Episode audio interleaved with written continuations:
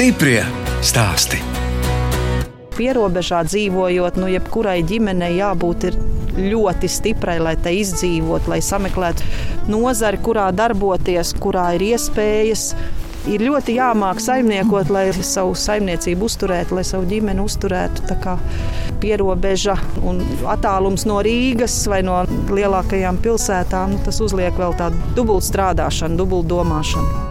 Tā saka Irēna Riežniece no Dienvidkurzemes novada Rucavas pagasta. Es, žurnāliste Dāna Zalamane, šoreiz ciemojos pie saimniekiem, kas Lietuvas pierobežā Nīdas purvā 14 hektāru platībā audzē lielogu dzērvenes. Irēna bērnībā kopā ar brāli Gundaru izaugusi Rucavā, tēva celtā mājā. Man brālis nodarbojas ar meža strādi un kokzāģētavas darbu. Un atpūtas komplekss. Tepat papē viņam ir. Katrs esam ar savu biznesa jomu. Strādājam ļoti daudz. Visi arī brālēni, māsītes ļoti savos darbos, biznesos ir aizrāvušies. Visi esam nu, tādi kārtīgi lauku cilvēki. Un neprasām pabalstus, bet darbojamies darbošanās. Jā, tā mūsu vītola ģimene apvieno. Irēna Liepājas universitātē mācījās par sākuma skolas skolotāju. Strādājot šeit Rucavā? Rucavas pamatskolā. Tad bija vidusskola, bet pēc tam kļuva par pamatskolu. Darbu es pametu dēļ nu, arī traģēdijas ģimenē kas tādu milzīgu depresiju ilgus gadus deva, un vīrs gāja bojā jā, pats savus izlemšanas dēļ. Un bija tāds izdegšanas sindroms, un es sapratu, ka es bērniem tik daudz eh, vairs nevaru dot, nu, ka man pašai sevi jārestartē. Tad izmācījos arī Liepājas Universitātē uzņēmējdarbības vadību. Šīs uzņēmējdarbības zināšanas man arī ļoti palīdzēja kā deputātei Rucavas novada domē un arī tos divus ar pus gadus vadīt Rucavas novada domu. Tas laiks man iedeva ļoti lielu pieredzi uzdrīkstēšanos, nebaidīties, pašapziņas arī nostiprināšanu, iepazīt ļoti daudz citu cilvēku, tagad arī šajā darbā man tas ļoti palīdz. Arī ar valsts institūcijām šeit diezgan daudz ir ko strādāt. Ar lauka atbalsta dienestu, ar valsts auga aizsardzības dienests, vides dienests, dabas aizsardzības pārvalde. Mums te ir Papas dabas parks, kurā ir daudz kas neatļauts, bet nu, mēs savu dzērveņu audzēšanu uzsākām, ka vēl dabas parks nebija nodibināts. Nu, tad mums par ūdens ieguvi ir dažas tādas domstarpības, lai laistīšanas sistēmu nodrošinātu. Un tad man tur bija jāpašķirsta likumi un, un, un, un jāraksta atbildes. Bet beidzās lieta jums pozitīvā virzienā. Nu, neteikšu, ka pilnīgi pozitīvi, bet ir beigusies. Šis Dienvidkurzemes novads ir stipri par lielu. Centrs nekad nedomās, kā mēs te nokļūsim no vienas vietas uz otru vietu un pakalpojumu, kāda tiek nodrošināta. Nu, ar šo administratīvo reformu mēs neesam apmierināti. Principā mazos novadiņus apzaga. Mežus izsolīja, ko mēs bijām taupījuši pašvaldību labākiem laikiem tehnikas vienības izveda un darba vietas nolikvidēja, daudz ko apvienoja. Daudz kas tagad netiek vairs darīts un netiek uzturēts. Irēnas mamma Aija Vītola stāsta, ka 90. gados, līdzīgi kā citiem laukos dzīvojošajiem, ģimenei bija neliela naturālā saimniecība. Kūķi uzbūvēja jaunu, mums bija 21 laucams govs. Brīžiem nokrita piena cenas tā, ka nevarēja ar to iztikt. Un... Kā bija, kad bija jāšķirās no tām gotiņām?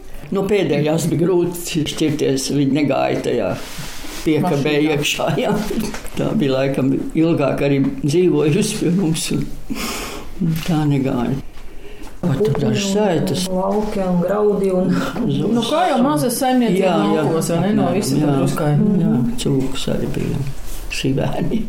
Lielogu dzērveņa audzēšanu Nidas purvā 1994. gadā uzsāka Irēnas tēvs kopā ar pieciem partneriem.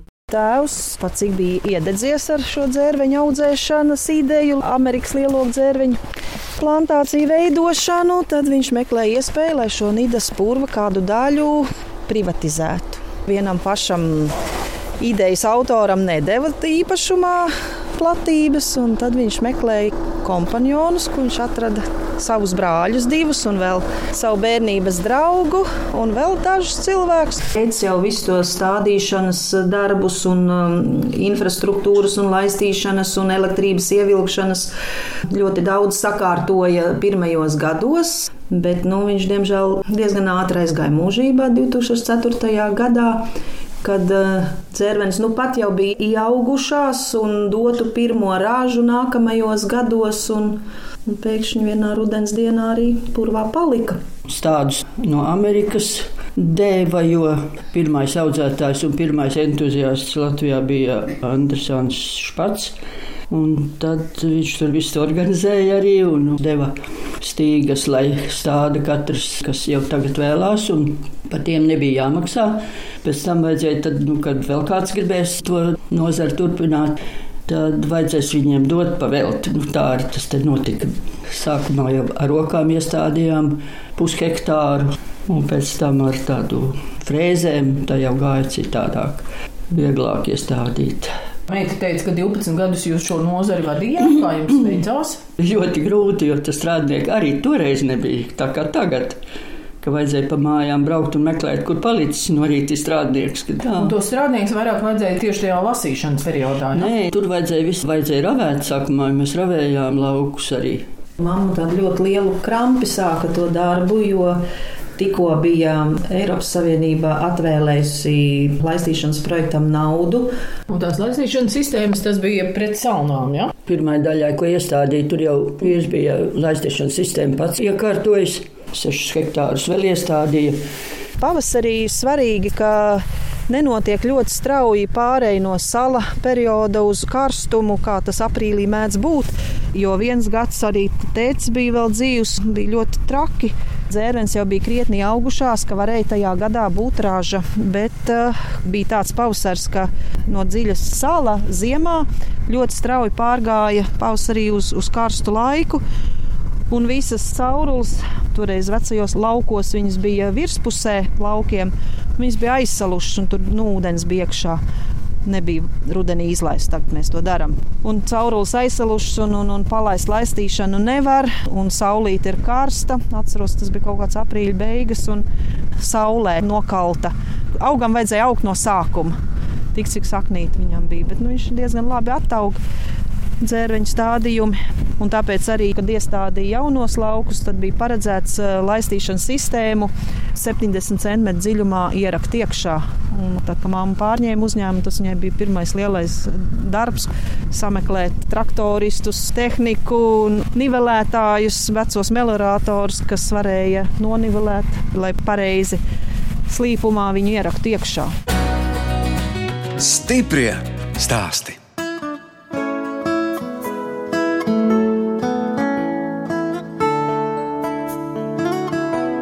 Skan raidījums stipri stāsti. Šoreiz ciemojos pie Irēnas Riežnieces, Sijā Purva dzērvenīte vadītājas Dienvidkurzemes novada Rucavas pagastā. Nīdas purvs, kas atrodas netālu no Lietuvas robežas, ir apmēram 1000 hektāru liels, bet lielogu dzērvenes aug 14,3 hektāru platībā. Purvā iebraucam pa ceļu, kas noklāts ar betona plāksnēm. Nu, droši vien, ja nebūtu tās betona plāksnes uz ceļa, tad te nevarētu tā tad, iebraukt. Tad mēs te, te ar laivu vai nezinu, kādu citu transporta līdzekli, bet vispār jau tas ir nenovērtējami, kad uh, ceļš bija grāvji sarakti. Esam Nidas purvā, kurā iepriekš tika vākta pakaišu pūdra. Te miers un klusums, un var dzirdēt jūras šalts. Nu, šodien nedzird. Šodien, šodien, klus... ne, jā, šodien klusāk visi trakie vēji pierimuši. Tas jūras tuvums palīdz dzērveņa audzēšanā kādreiz arī palīdz, jo ir ziemas ar sniegu. Ir ziemas bez sniega. Nu, līdz šim nav tā bijis, ka tieši ziemas dēļ kaut kas ir aizgājis bojā. Tas rudens arī tāds lēzenāks, varētu teikt. Ir, nu, viņš ļauj mums ilgāk varbūt to dzērnīt novākt.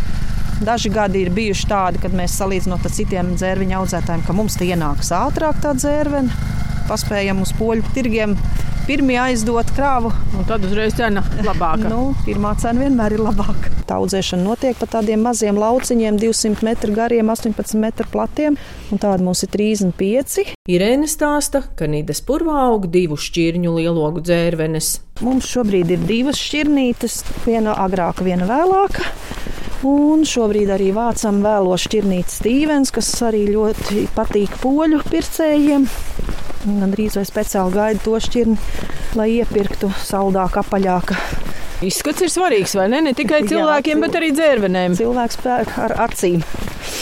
Bija te iepriekš gadi, kad eh, piedalījāmies projektu izstrādē ar citiem uzņēmumiem, citiem audzētājiem. Agrotehniska lieta ir izauga dzērvenēji garās stīgas, horizontālās. Un nākamā gadā vēl garāks, un viņas ir eh, katru gadu ir jāgriež nost, jāķemmē. Tad ir tādi mūsu pašu darbinieku vīru konstruēti ķemmes ar uh, izskaptīm. Tas tā kā būtu stādāmais materiāls, ko varētu stādīt ieliek zemē, uzber oh. kūdru, viņi paši apsakņojās. Bet ļoti mūs ietekmēja ražas novākšanas ilguma, laika apstākļi, jo šogad viņa atkal ir pavisam dīvaini. Dzērveni ienācās, viņa vispār šogad bija ļoti slinka, sākt ziedēt, jo pavasars bija ļoti augsts. Daudzas naktis bija salnas, mēs te 25 naktis lējām no maija sākuma līdz pat jūnija vidum. Laistījām ar laistīšanas sistēmu, lai pumpuriņi nenosals, bet nu, vienalga sāla bija tik stipra, ka daļa ražas tomēr jau pavasarī ir aizgājusi bojā. Rudens bija ļoti silts un vēls, tā kā mums ienācās tikai septembra beigās odziņas, tā kā mēs diezgan vēlu šogad beigsim ražas vākšanu. 10. un 15. septembris, kad viņas pirmā šķirnīte ienākas, mums ir tāda agrā šķirne Benlīrs un vēlā šķirne Stevens, kas ienāks oktobra sākumā. Sākumā nebija kombinācija, tad mēs pārsvarā rokām tikai lasījām. Ir bijuši gadi, kad mēs lasām līdz 6. decembrim. Ir bijuši gadi, kad mēs lasām līdz 18. novembrim, un tad ejam uz svētku koncertu pagastmājā. Tā kā dažādi gadi, jo dažādi ražas apjomi ir bijuši. Tagad mums ir divi kombinācijas, kas, paldies Dievam, diezgan labi kalpo tad mums tā ražas novākšana jau vairākus gadus iet veiklāk, un esam iegādājušies vairākas eh, smagās tehnikas, mašīnas, kas ātrāk un vairāk pārved vienā reizē savākt to ražu mājās. Nīdas purvā dzērvenes lasa arī pašlasītāji. Kombinācijas netiek pie grāvju maliņām, pie vidiņiem, kur ir eh, laistīšanas sistēmas, tie stabiņi. Tad tur jālasa rokām. Ir. Tad ilgadēji lasītāji ir vai līst, vai, vai gandrīz vai sniega arī lasa. Un tad arī man diezgan daudz nāk palīgā, kas jau ir pensionāri cilvēki, bet kas vēl grib pastrādāt priekš sevis.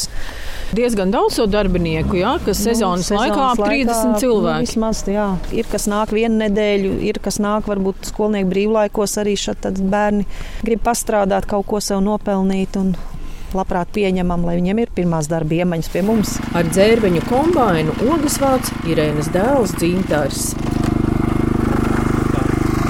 Izstāstiet kombinācijas darbības tos pamatprincipus. Sirds ir motors, ķemmes tiek grieztas un tad transportieris uzceļ lodziņu augšā līdz kastei, kur iebirst. Tad apakšā ir tāds veltenis, reku šeit, kas atkal stumj kombināciju uz priekšu. Un visur tādas ķēdes, tā kā ritenim kaut Jā, kas līdzīgs. Reizēm nokrīt nost, pārlec, tad ir jāskrūvē un jālabo. Kombinācija ir dārga. Uz priekšu to varētu domāt tikai ar projektu palīdzību. Šos kombinācijas iegādāties. Nu, cik tāds maksā apmēram? 11. 11 tūkstoši. 11 tūkstoši jā. Visiem dzērveņu audzētājiem, nu tādiem lielākiem, jau ir šādi kombināni. Nu, jā, ir arī pašu konstruēti daudz tādi jaudīgāki, kas savāc vairāk. Jā, jo laikam laikā, jau bez tā tikai ar cilvēku roku spēku ne, laikam nebūs iespējams. Jo vēl mums cik ir lauka, kad pieci vēl ir jānovāc ar kombināciju. Liels palīgs darbos ir arī Irēnas otrais vīrs Laimdots, kas ikdienā strādā valsts policijas auto pārvadājumu uzraudzības nodaļā. Manā pārziņā ir jā, vairāk tā tehnika. Es pēc specialitātes esmu mehāniķis. Sāku palīdzēt darīt to, kas sievietēm ir mazāk saprotams. Jā, Irēna un mašīnas vienmēr kārtībā. Ja? Jā, atgādina, kad jāiet skates, sagatavo skatēm un, un apdrošināšanas. Un tagad uh, sūkņus aizveda šo pavasaru uz remontiem. Un, nu, tādas tehniskās lietas, jā, nu, ir. Augstuma kameru iekārtojām, mhm. jaunas tehnikas nopirkām, lietotas, protams. Tikko kā kaut kas noplīst, tā tas lauciņš ir manējais, kad es meklēju.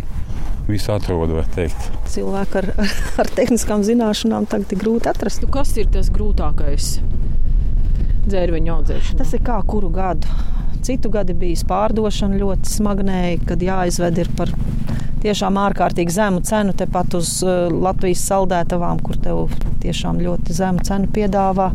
Bet tagad mums ir augstuma kamera, kurā mēs ilgāk varam saglabāt, ja izšķirotu vai tikko no lauka novākt odziņu. Tad tā bišķi mierīgāk tas pārdošanas process notiek. Dzērvenes pārlasa un uzglabā bijušajā padomju saimniecības Rucava kartupeļu pagrabā, ko savulaik privatizēja Irēnas tēvs. Ļoti nodara šīs telpas, un, un, un varam arī izīrēt citiem. Un joprojām eh, lauksaimniekiem. Pieder vairākiem, jā. Un tad mēs te šogad mazliet paremontējām labierīcību telpas. Un tad ir eh, jumts, ir pirms vairākiem gadiem ļoti kapitāli remontēts, tad, kad mamma vēl vadīja uzņēmumu. Un tagad ir, ir mums telpas, kur novācot vairāku dienu ražu, varam uzglabāt.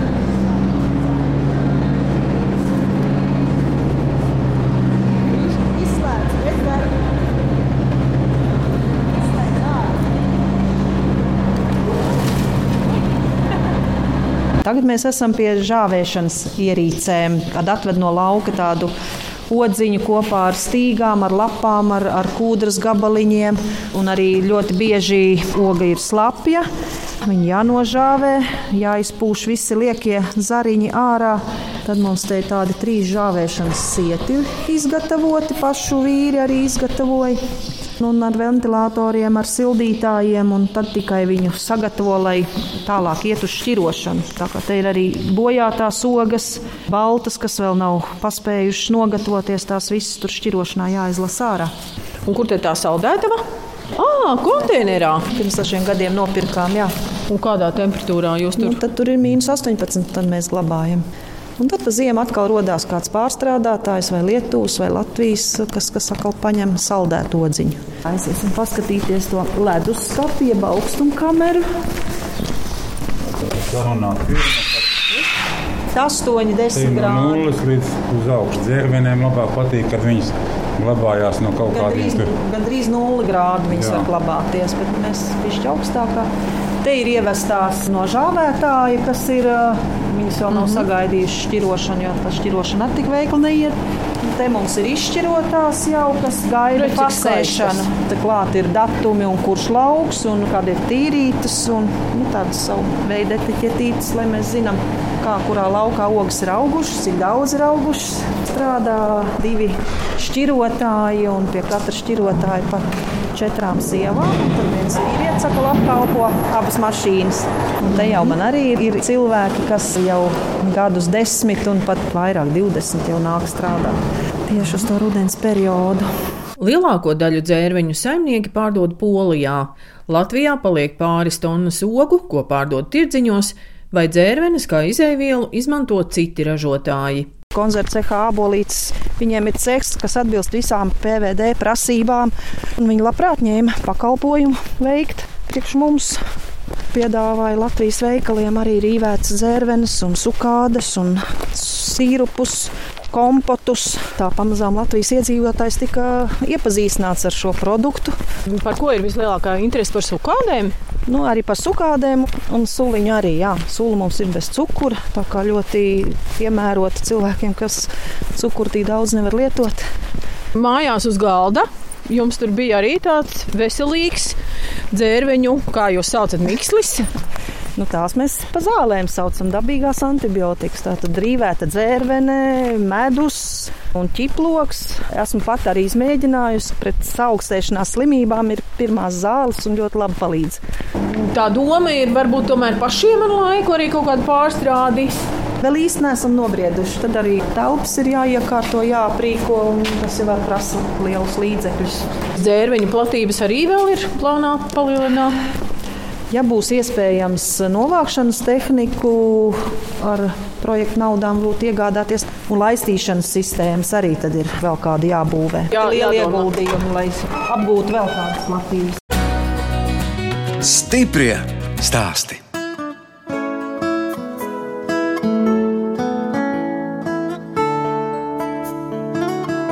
Jūs klausāties raidījuma stipri stāstī. Turpinot ciemoties pie Irēnas Riežnieces, Dienvidkurzemes novada Rucavas pagastā, kas kopā ar ģimeni darbojas Sijā Purva dzērvenīte. Pēc studijām Anglijā kopā ar sievu un diviem bērniem Rucavā atgriezies Irēnas dēls Dzintars. Viņš atceras, kā kādreiz uz Nīdas purvu braucis kopā ar vectēvu tādas interesantas sajūtas arī ir katru reizi, pašlaik braucot uz purvu un, un, un slēdzot vai aizslēdzot purvu vārtus, kurus atceros, kā vecteicis taisīja, metināja un uzstādīja. Un, un, un, un vai vecteici tik pa laikam jāizdomājās. Tas ir ļoti daudz laika un enerģijas un, un, un, un visu ko citu prasīs, lai būtu tie lauki un būtu tas izaugušais materiāls. Dēls brauca vecam tētim līdzi, jo man bija jāstrādā skolā. Pieskatīja viņu, viņa darbos un skraidīja pa tiem laukiem. Tad tagad pēc grāviem. grāviem rāvjiem un pazaudēja zābakus. Tagad viņš ir nu, atgriezies ar cerību, ka būs no tiem visiem sešiem pašreizējiem īpašniekiem, ka būs kāds viņu darbu, kas turpina. Tāpēc jau jāiesaist ir jaunā paudze, lai apgūst to procesu un būtu interesi tālāk par šiem darbiem. Māma man tik daudz paspēja izstāstīt, ka jūs taču esat ar muzikālu izglītību. Tā ir. Jā. Gitāra spēle aizrāvusi man jau kopš bērnības. Gan mācījos Nīcas Rucavas mūzikas skolā, gan Liepājas mūzikas skolā, gan arī Britu īru modernās mūzikas institūtā Londonā. Teikt. Un sieva arī mūziķe? Sieva arī ir mūziķe. Abi divi pabeidzām šo skolu Londonā. Jā. Gitāra spēle, mūzikas producēšana, kas ietver sevi mūzikas apstrādi un, un, un mūzikas biznesu. Sieva spēlē klavierus un ģitāru, dzied un galvenais raksta dziesmas, raksta dziesmu tekstus un, pašas dziesmas. Mēs braucām ar atvērtu sirdi, ar atvērtu skatu, kas notiks. Spēlējām savu oriģinālu mūziku un, un, un, un, un to novērtēja kā eksotisku, bet tajā pašā laikā skolā bija šis novirziens arī mūzikas menedžeri. Tad mēģināju šos gatavos projektiņus, jau kas paši muzicē un oriģinālu mūziku rada, savienot ar šiem menedžeriem, lai viņi jau strādā. Bet uh, mūs neviens neņēma. Mēs gājām uz noklausīšanos, bet mūs neviens neņēma, jo neviens nezināja, ko ar mums darīt ar tādu dvēselisku, mierīgu, akustisku mūziku. Jo industrija prasa mūziku, ar kuru var nopelnīt. Un tad mūs neviens varbūt tā nesaskatīja kā lielo peļņas ansambli. Bet braucot uz turieni, kaut kur jau domājām, ka atgriezīsimies. Un padzīvojot tur, tikai vairāk tās domas apstiprinājās, ka gribās atpakaļ, gribās pie um, draugiem, gribās Latvijas pārtiku veicām tādu bezmaz vai sarakstīņu ar visām tām lietām, ja nu kādu dienu ienāk prātā doma atgriezties. Bet jūs spēlējat arī joprojām kādā orķestrī? Jā, spēlēju jūras spēku orķestrī Liepā. Divi ar pus gadus. Tur mani pienākumi ir būt par uh, audio inženieri, uh, skaņu operatoru, gan pie perkusijām, sišķīvis un nu, grabināt visu, ko var grabināt. Un uh, ģitāra tad paliek tāda trešā funkcija, kad ir iekštelpu koncerti. Jūras spēku orķestris ir profesionāls dienests. Un, jā, pirmām kārtām mēs esam karavīri, otrkārt tikai speciālisti. Mūsu uzdevums ir nodrošināt ceremonijas, bet tajā pašā laikā mēs ikgadējās mācības mācībās piedalāmies. Regulāri ir šaušanas nodarbības un, un, un, un, un citas nodarbības. Svarīgi vīrietim ir to apgūt, prast. Pirms trim gadiem atbildi man noteikti būtu bijusi savādāka, bet tagad es teikšu, jā, protams. Jā. Tā doma ir droši vien apvienot darbu orķestrī un darbu šeit. Jā, tagad uh, mājaslapa, piemēram, top, tad atkal palīdzēt tās satura izveidē.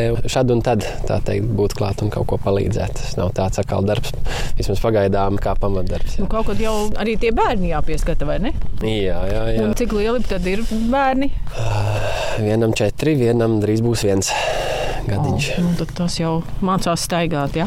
Jā, tieši kā reiz eh, pirmās dienas, kad mēģinu pats spērt pirmos solīšus.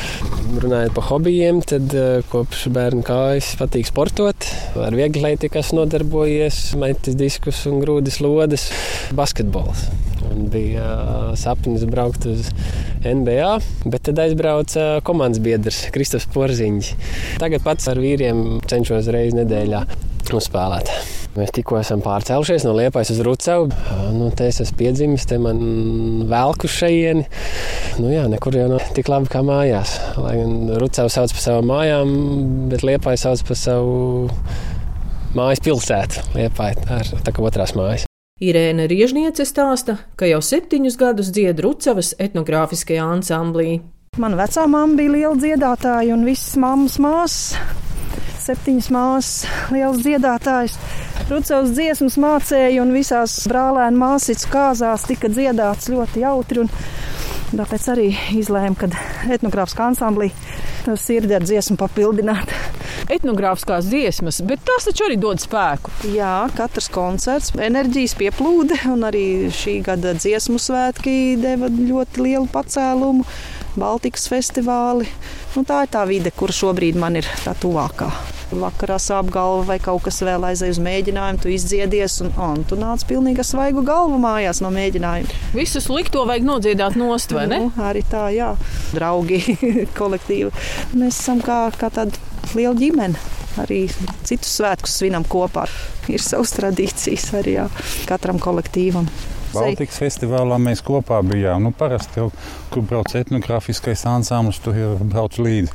Karogu arī nesat? Jā, to Lietuvā nesām. Tā kā mums arī jāuztur sava kultūras niša. Paši jau vien tik tie esam, kas mēs te vēl dzīvojam Rucavā, kas to kultūru varam noturēt. Nu, mans vaļas prieks skolas laikā bija dejošana. Tad bija sarīkojuma dēļas, pēc tam tas saucās sporta dēļas. Kā lai saka, 15 gadus jau apmēram ievāja sporta deju klubs Aura. Tajā dejoja mans dēls. Un tad, kad viņš beidz dejošanas laiku, tad tagad mēs abi divi braucam palīdzēt klubam, kad notiek sporta sacensības pilsētā. Pats es kādus piecus gadus atpakaļ arī vēl dejoju. Nebija atkal kā parasti vīrieši. Un tad Vīrieši vienmēr deficīts jādejošanā. Kā tas ir jūsu ģimenē? Latvijas diena, 11. novembris, tie ir svētki. Ir tāda pacelāta sajūta, jā, bet nu, mēs nebraucam uz Rīgu, tur svecītas likt. Mēs varbūt pieminam tos, kas tepat rucaunieki, kas ir eh, cīnījušies brīvības cīņās. Bet nu, vairāk jau 18. novembrī mēs savā ģimenes lokā. Tad mums ir svētku pusdienas. Jā. 11. novembrī es varu pastāstīt Rucavas pamatskolas jauku tradīciju, kur uh, atjaunoja skolotāja Daiga Gabrūna, kad uh, katra klase sagatavo ierindas mācības priekšnesumu un ir ierindas skate bez maz vai. Un, um, tad, uh, principā, jā, man liekas, visus deviņus gadus, ko Rucavas skolā pavadīja, tad bija soļošanas priekšnesuma, tā teikt, apgūšana, un tad 11. novembris asociējas arī ar tādu Rucavas skolas tradīciju man. Joprojām tāda ir. Joprojām, jā. Man mīļākie 11. novembra svētki ir bijuši tieši Austrijas bērnu koncertos. It sevišķi Rīgas Latvijas biedrības namā 11. novembra koncerti, kas ir bijuši, tie iedevuši tādu jā, patriotisku sajūtu. Vai jums ar jūras spēku orķestri iznāk arī kaut kādas uzstāšanās šādās svētku dienās? Jā, novembris ir uh, traks mēnesis priekš mums, jo koncerti ir bez maz vai katru dienu. Bruņoto spēku iekšpusē norit vairākas balles, kuras arī jānodrošina, un tad tā svētku nedēļas ar 11. un 18. novembri ir bez maz vai no rīta līdz vakaram katru dienu bez uh, atpūtas. Nu, bet droši vien jums pašiem arī ir tāda svētku sajūta, vai ne? Ir, ir, protams. Man kā visu mūžu esot cilvēkam uz skatuves, man liekas, tā ir vislabākā iespēja, kā sajust svētkus, būt svētku aktīvam dalībniekam.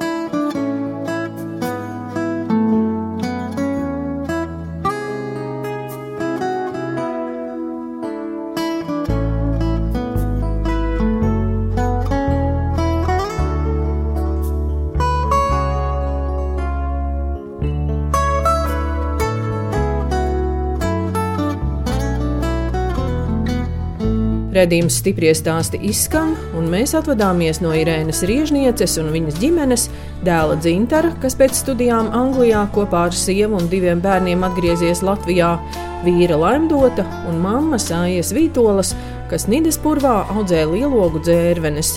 No jums atvedās žurnāliste Daina Zalamane un operātore Inga Bēdele, lai tiktos atkal tieši pēc nedēļas.